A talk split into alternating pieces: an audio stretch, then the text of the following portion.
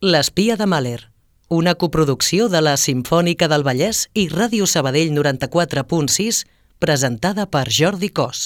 El cap de setmana vinent, dissabte 25 de març, al Palau de la Música Catalana de Barcelona i el dia següent, el diumenge 26 de març, aquí a Sabadell, al Teatre Municipal de la Faràndula, a les 6 de la tarda, els Simfònics del Vallès celebraran un concert que serà com una festa de colors amb música de Leonard Bernstein i Duke Ellington. Però el moment més esperat serà l'estrena mundial del concert per a piano i orquestra del pianista i compositor Marco Mezquida, una joia que brillarà com un diamant en el centre del programa. I qui millor per liderar aquest esdeveniment que un amic dels Sinfònics del Vallès que ha contribuït amb el seu mestratge a fer créixer no només l'orquestra, sinó tot el sector sinfònic a Espanya. Avui a l'Espia de Mahler, amb el suport tècnic de B. Aguilar, el control tècnic, conversa sobre vida i música amb Víctor Pablo Pérez a l'Espia de Mahler.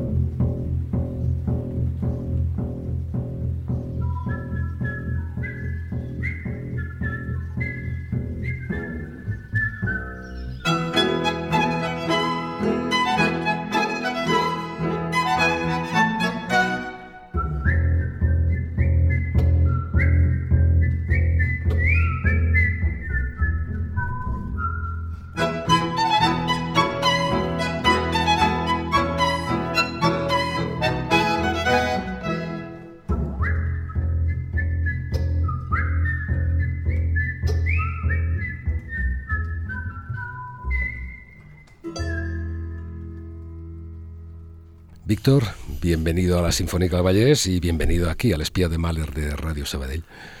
Es un placer, es un placer. Tu vida como director de orquesta empezó vinculada a una música, de hecho, muy poco sinfónica. Vamos, vamos a escuchar y luego nos dices qué tema es.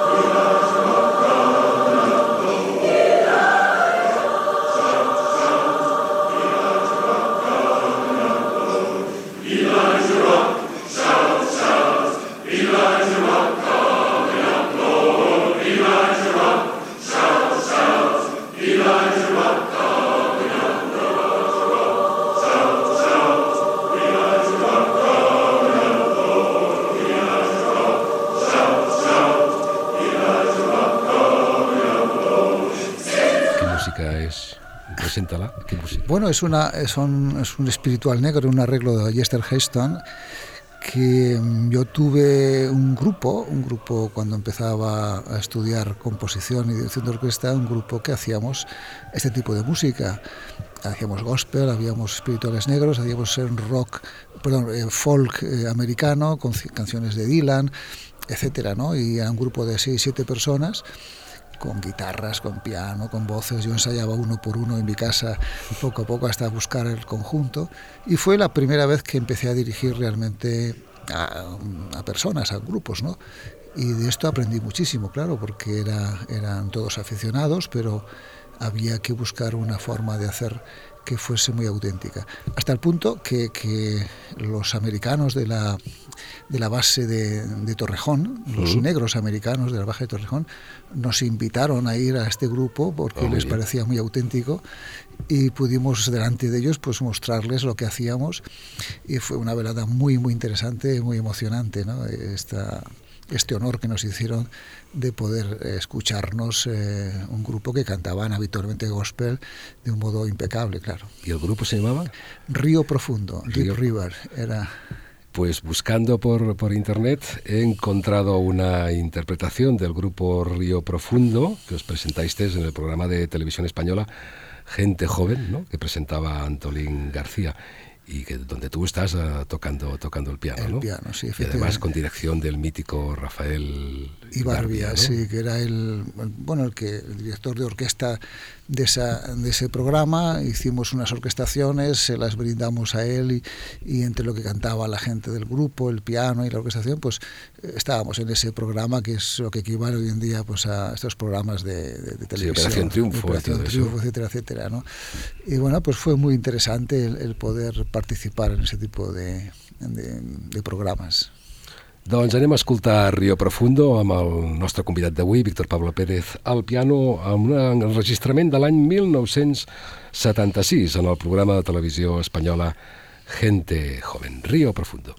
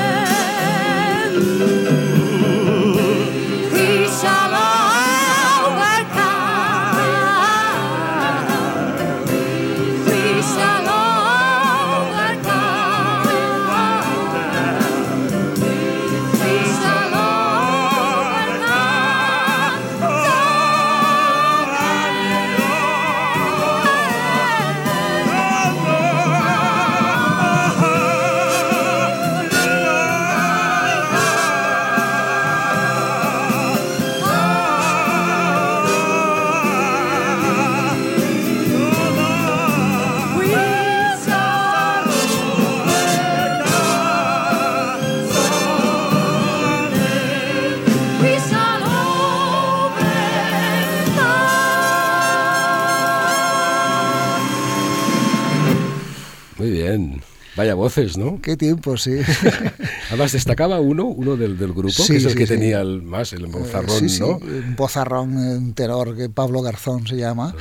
Creo que después se dedicó, no lo he vuelto a ver de hace muchísimos años y creo que se dedicó a hacer una academia de música y, y se gana la vida con, con la música, ¿no? Y, y, bueno, pues había una serie de gentes que les encantaba cantar y que, les, y que gozaban con aquello, ¿no? Y era pues una experiencia maravillosa de poder juntar y dirigir a un grupo, ¿no? Yo, yo, muchas veces cuando me cuando un joven me dice qué hay que hacer para estudiar dirección de orquesta, digo pues dirigir aunque sea a tu padre y a tu madre, pero haz, dirige a alguien, ¿no? O sea, haz, haz prácticas del, del modo que sea para ver cómo responden las personas y cómo responden los grupos. Mm, ¿Te acuerdas de la puntuación que os dieron? No, no tengo ni idea. Pues ahora te la dirán. El jurado ha concedido a Río Profundo 37 puntos, con lo cual Río Profundo acaba de tener un empate con el primer puesto también dentro de la especialidad de canción ligera. Y yo les rogaría que un aplauso. Muy bien. no recordaba en absoluto. No recordaba. Sí. en absoluto. Muy bien, pues después de Río Profundo salimos a la superficie y haremos un salto a la década de los 80 del siglo pasado cuando en la infancia de la recién instaurada democracia cada comunidad autónoma creó su propia orquesta sinfónica y precisamente en el año 1980 asumes la titularidad de la Orquesta Sinfónica de Asturias. ¿Cómo viviste esa primera titularidad? Bueno, era una orquesta mmm, profesional, pero a medias. Había, había músicos que eran muy profesionales, profesores del conservatorio, había alumnos de estos profesores y había algunos que se repescaron de gente que había estado antiguamente en, vinculados a, al sinfonismo asturiano, porque en Asturias siempre hubo al menos hubo una cosa que tenía mucha tradición que era la ópera, la ópera que se hacía de la manera que se podía, pero, pero allí aparecía Kraus y aparecía Pavarotti y aparecía ah, Domingo y los grandes. Luego ya se preparaba como se podía, pero y había era necesidad una orquesta, necesidad una orquesta y bueno, pues había músicos de todo tipo, ¿no?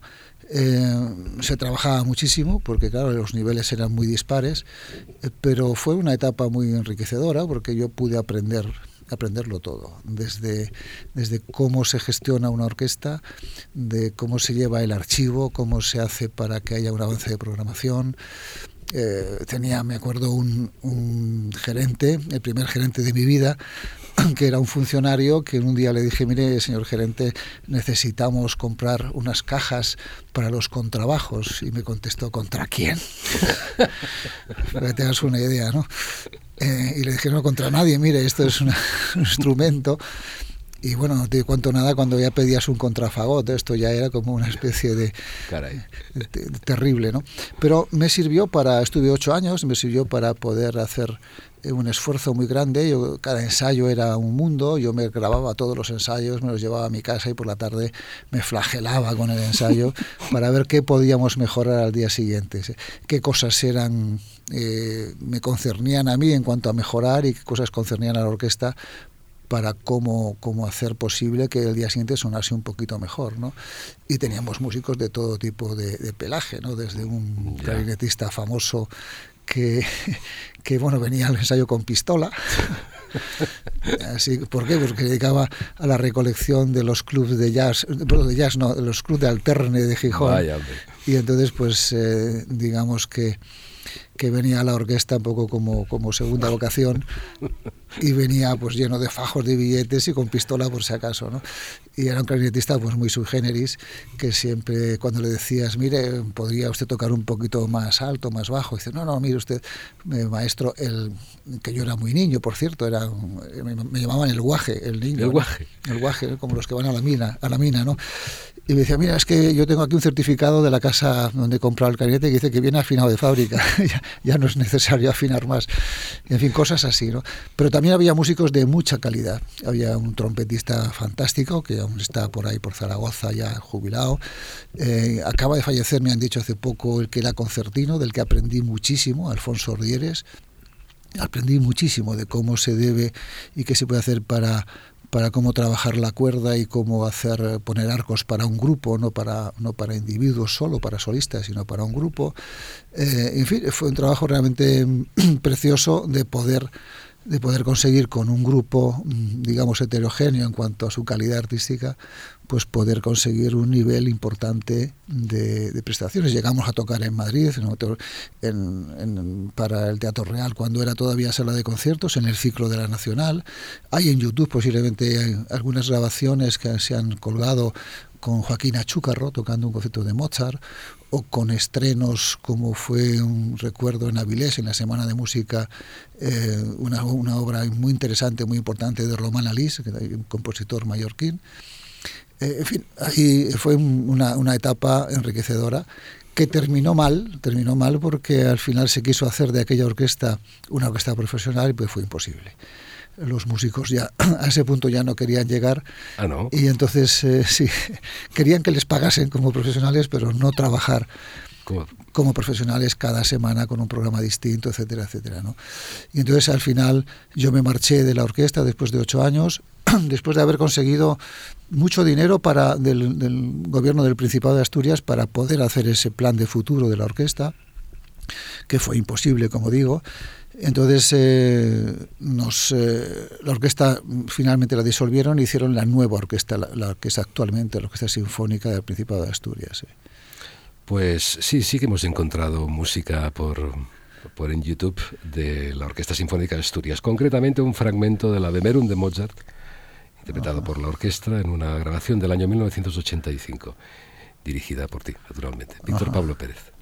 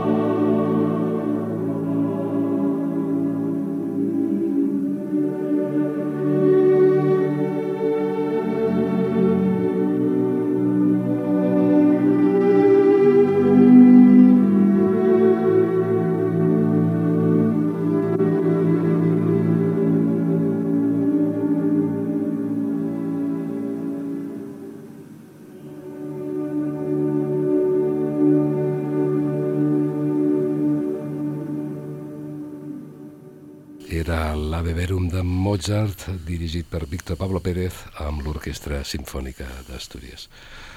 El año 1986 cambias la titularidad de la Orquesta de Asturias para asumir la de la Orquesta Sinfónica de Tenerife, cargo en el que permaneces hasta el año 2005, y en el 1993 la titularidad de la Orquesta Sinfónica de Galicia, hasta 2013. De ambas orquestas eres actualmente director honorario.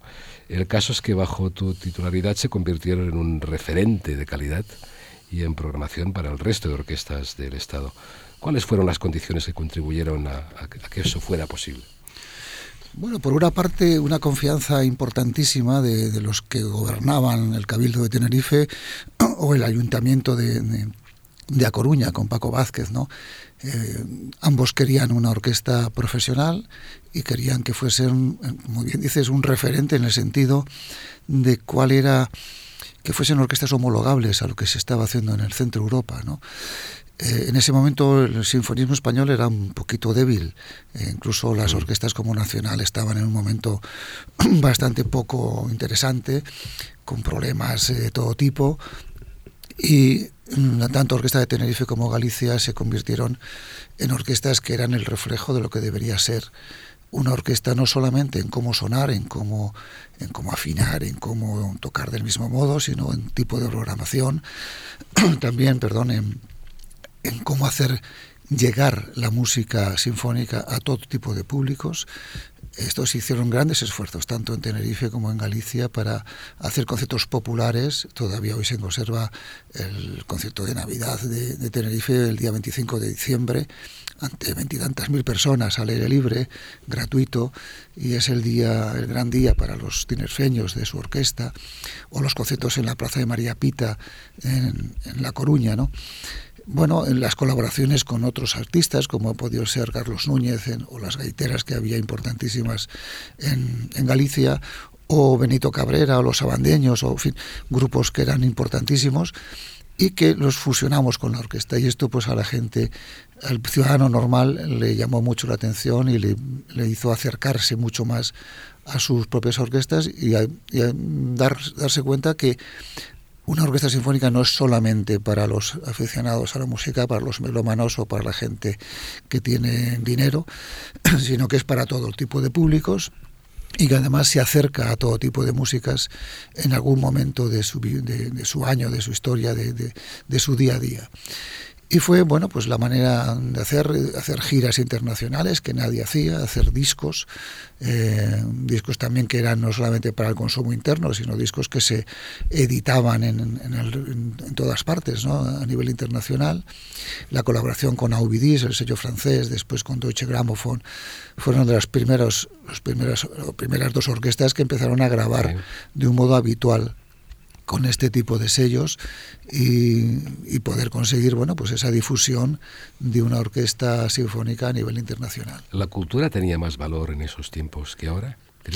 Yo creo que no. O sea, ahora mismo hay muchas más eh, realidades, hay muchas más iniciativas, pero hacer una cosa de cierto nivel sí tenía mucho valor intentarlo, hacer este, esos esfuerzos porque fuese que una grabación fuese la mejor grabación posible. Por ejemplo, el ciclo que se hizo de zarzuelas, de grabación de zarzuelas con Aubidis, igual que el ciclo Gerard que se hizo también, importantísimo, cuatro sinfonías, las cuatro sinfonías de, Roberto Gerard, o cuatro de los grandes ballets, o las zarzuelas más famosas como Doña Francisquita, como Bohemios, como Barrio de Lavapiés, Marina, con los grandes de la época, o sea, con, con Kraus, con Domingo, con María Bayo, con Joan Pons, eh, con unos grandes coros, no solamente coros de Tenerife o de Galicia, sino también el Orfeón Donostiarra, grabaciones impecables en cuanto a lo técnico.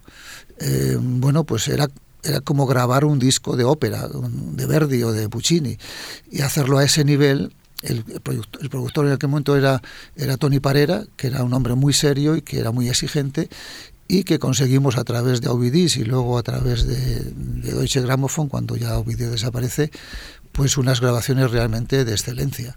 De, las grabaciones de Gerard y algunas de las han tenido premios internacionales y son muy respetadas en el mundo.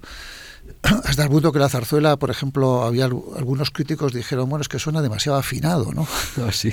Esto era, a mí me hizo mucha gracia, porque, claro, estaba todo el mundo, tenía el oído acostumbrado a oír zarzuelas un poquito desafinadas o con... O sea, ¿Quieres decir que antes había más tiempo? ¿Se podía dedicar más tiempo a...?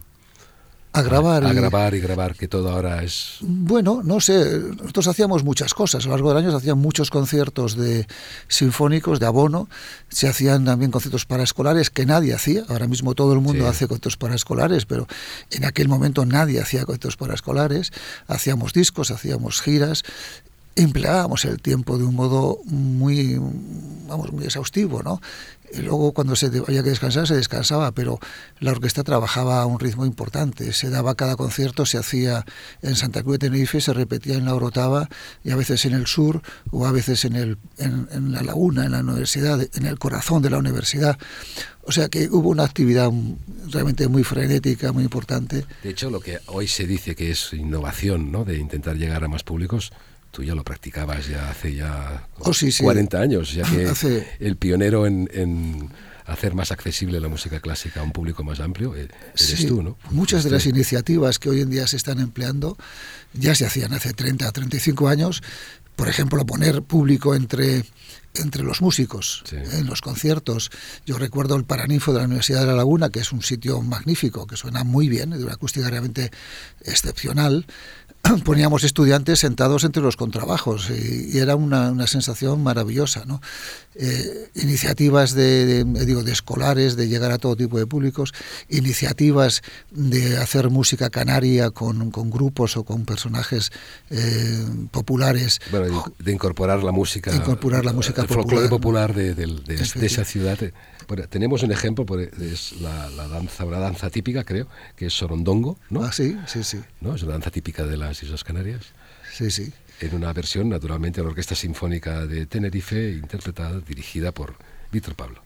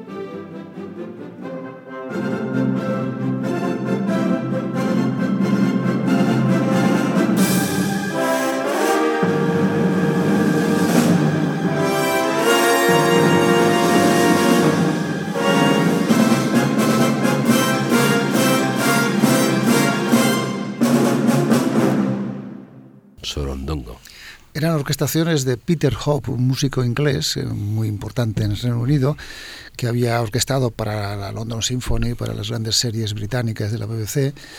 Y eh, era un orquestador realmente, yo lo conocí a través de, de Antoni Parera, porque nos hizo muchas orquestaciones.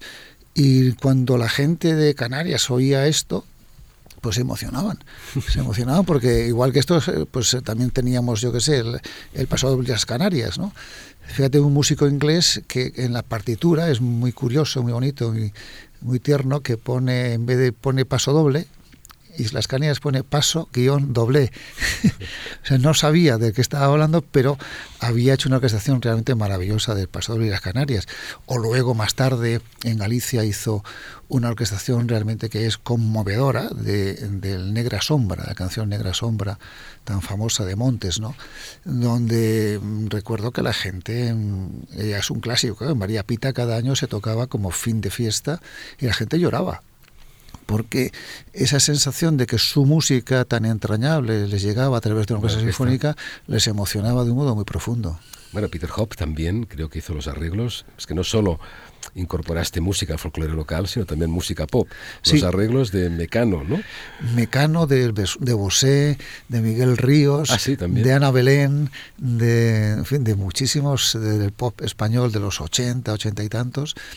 Hay un disco que se llamaba Espectacular Pop en Concierto y es un disco bellísimo, un disco que luego hemos podido tocar en diferentes ocasiones y realmente son unas orquestaciones deslumbrantes. Sí, sí, las grandes orquestaciones. Por- Tenemos un ejemplo de los temas más conocidos de Mecano, orquestados por Peter Hope, con la Orquesta Sinfónica de Galicia, dirigida por nuestro invitado de hoy, Víctor Pablo Pérez.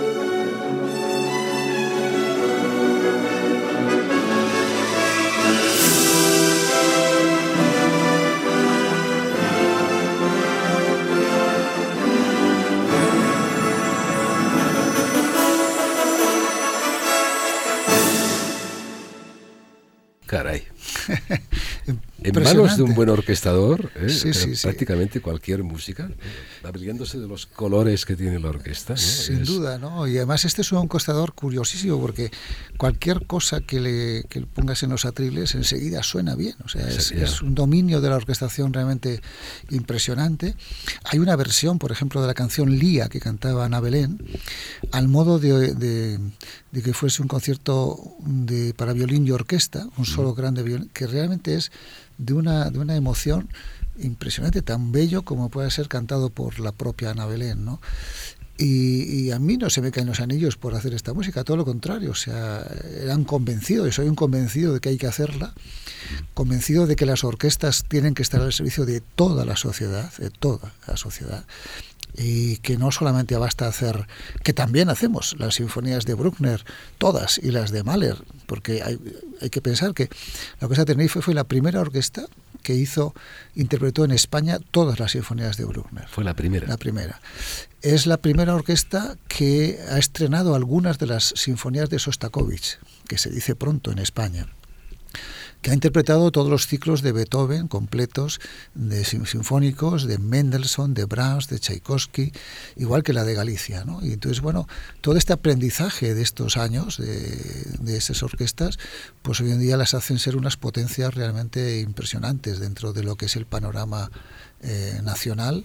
Y, y, bueno, pues han sido, creo que han sido un buen ejemplo a seguir por otras muchas orquestas que hoy en día pues ya están consiguiendo unos niveles realmente sorprendentes. Recientemente he estado con la Orquesta Nacional de España haciendo la séptima de Beethoven, por ejemplo, en una pequeña gira y no veas la ilusión, la fuerza, la, eh, la, motivación que tenían para tocar esta, esta sinfonía los nuevos, los jóvenes. Ahora mismo yo creo que el 90% de la plantilla es nueva, rejuvenecida. La nueva generación española de músicos es realmente impresionante, o sea, tiene un nivel internacional.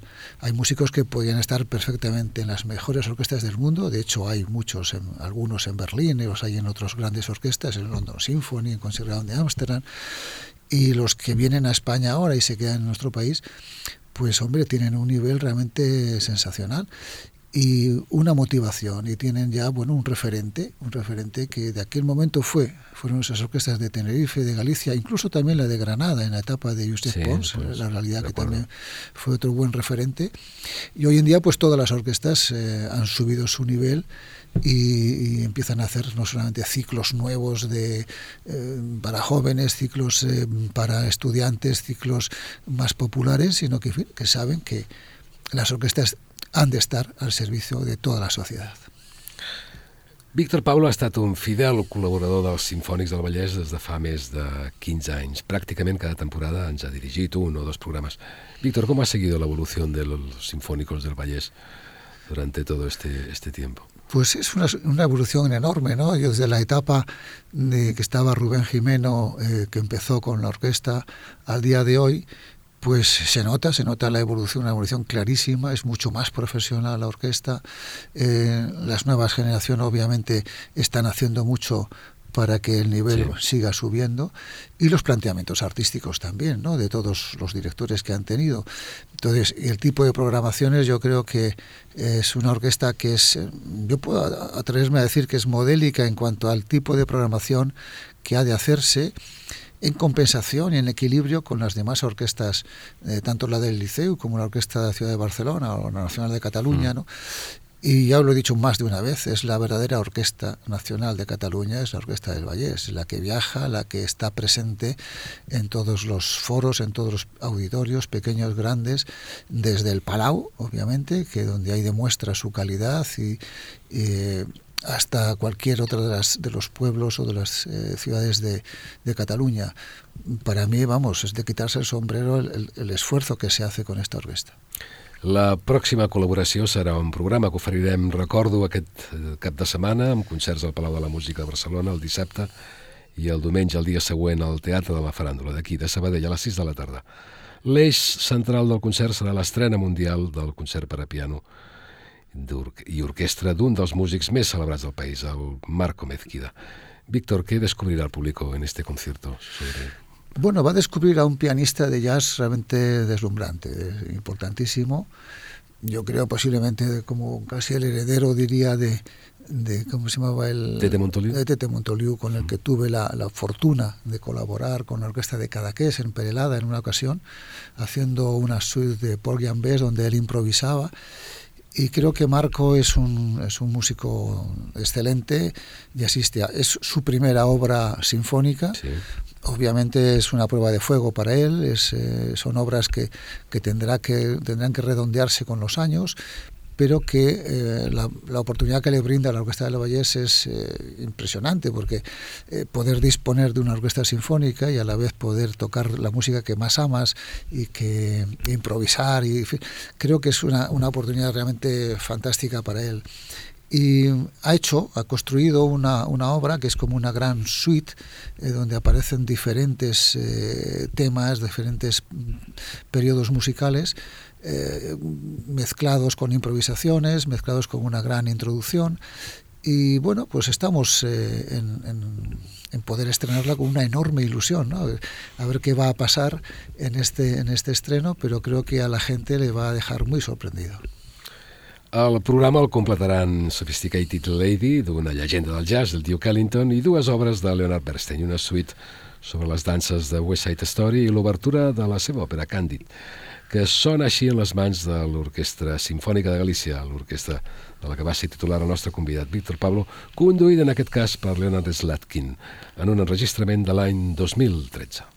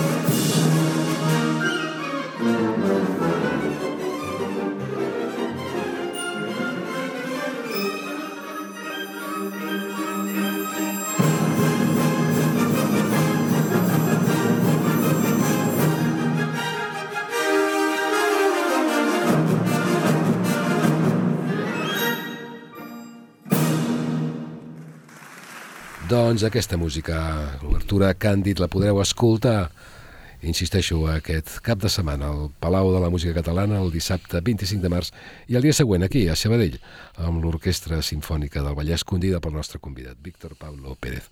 Una de les grans inquietuds de Víctor Pablo, sempre que ha assumit la titularitat d'una orquestra, ha estat pensant els músics del futur. Així ha impulsat i tutelat la creació de joves orquestres, la Joven Orquestra de Galícia, y actualmente la joven orquesta de las Islas Canarias, de la actualmente eres director titular, ¿verdad? Víctor, hay que pensar siempre en el futuro. Pues yo creo que sí, o sea, los jóvenes ahora mismo son, son el futuro. Los jóvenes afortunadamente tienen herramientas y orquestas de jóvenes eh, para practicar y poder preparar todo el gran repertorio.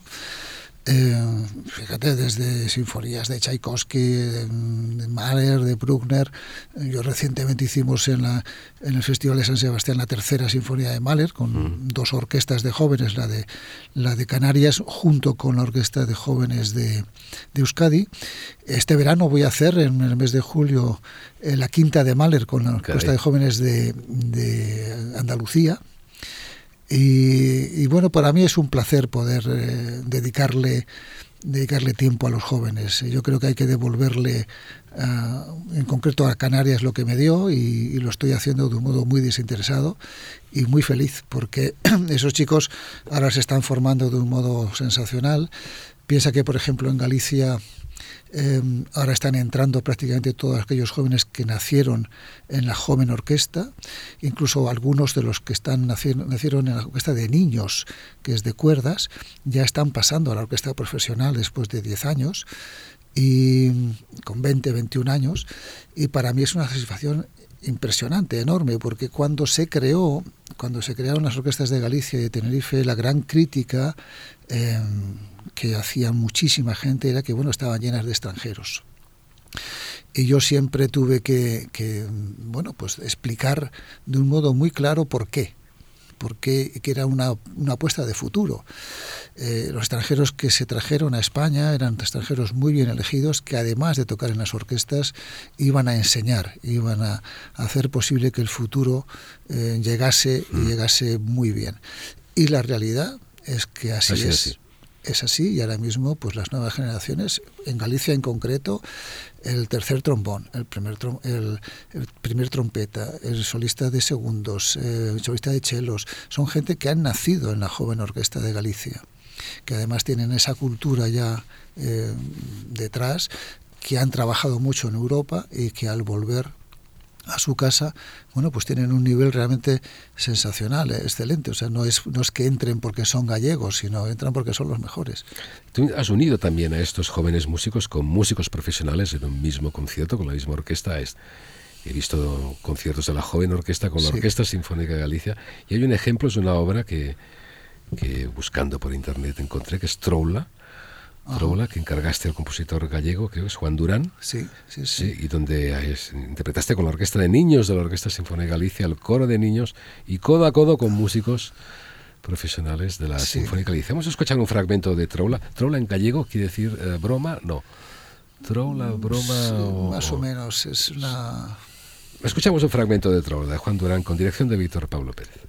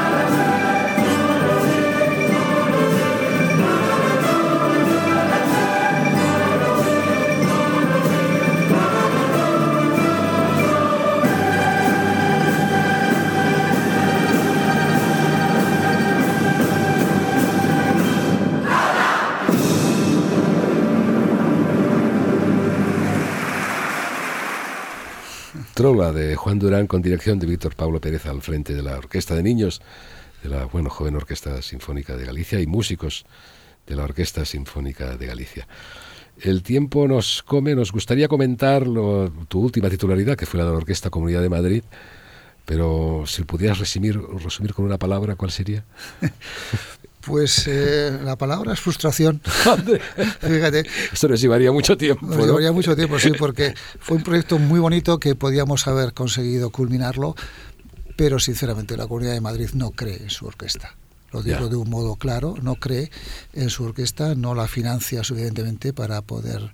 Es, es una lástima, porque mm, es una orquesta que es muy útil, eh, trabaja en el Teatro de Zarzuela con noventa y tantas funciones al año eh, de presencia pública, que hace un ciclo de conciertos en el Auditorio Nacional de casi entre 15 o 16 conciertos anuales y que mm, yo pues tuve la, la idea de, poder eh, hacer tener un buen coro de niños, un buen coro de jóvenes, un buen, una buena orquesta de niños también patrocinada en aquel momento y después una orquesta joven también.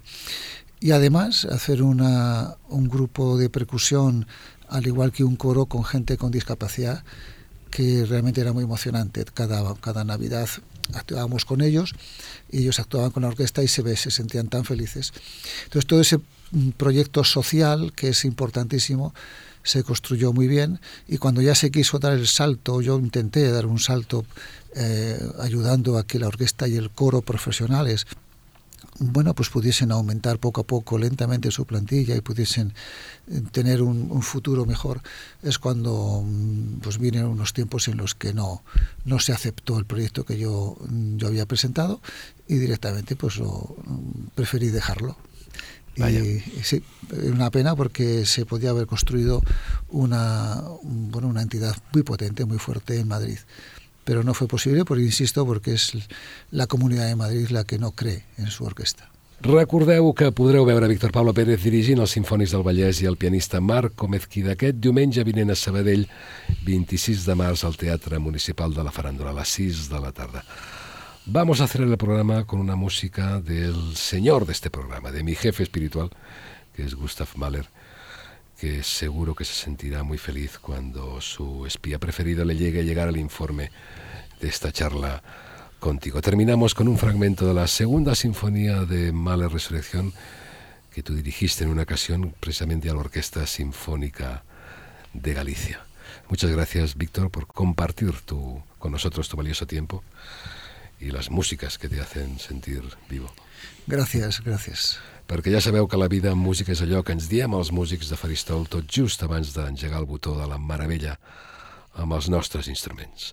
Bon viatge.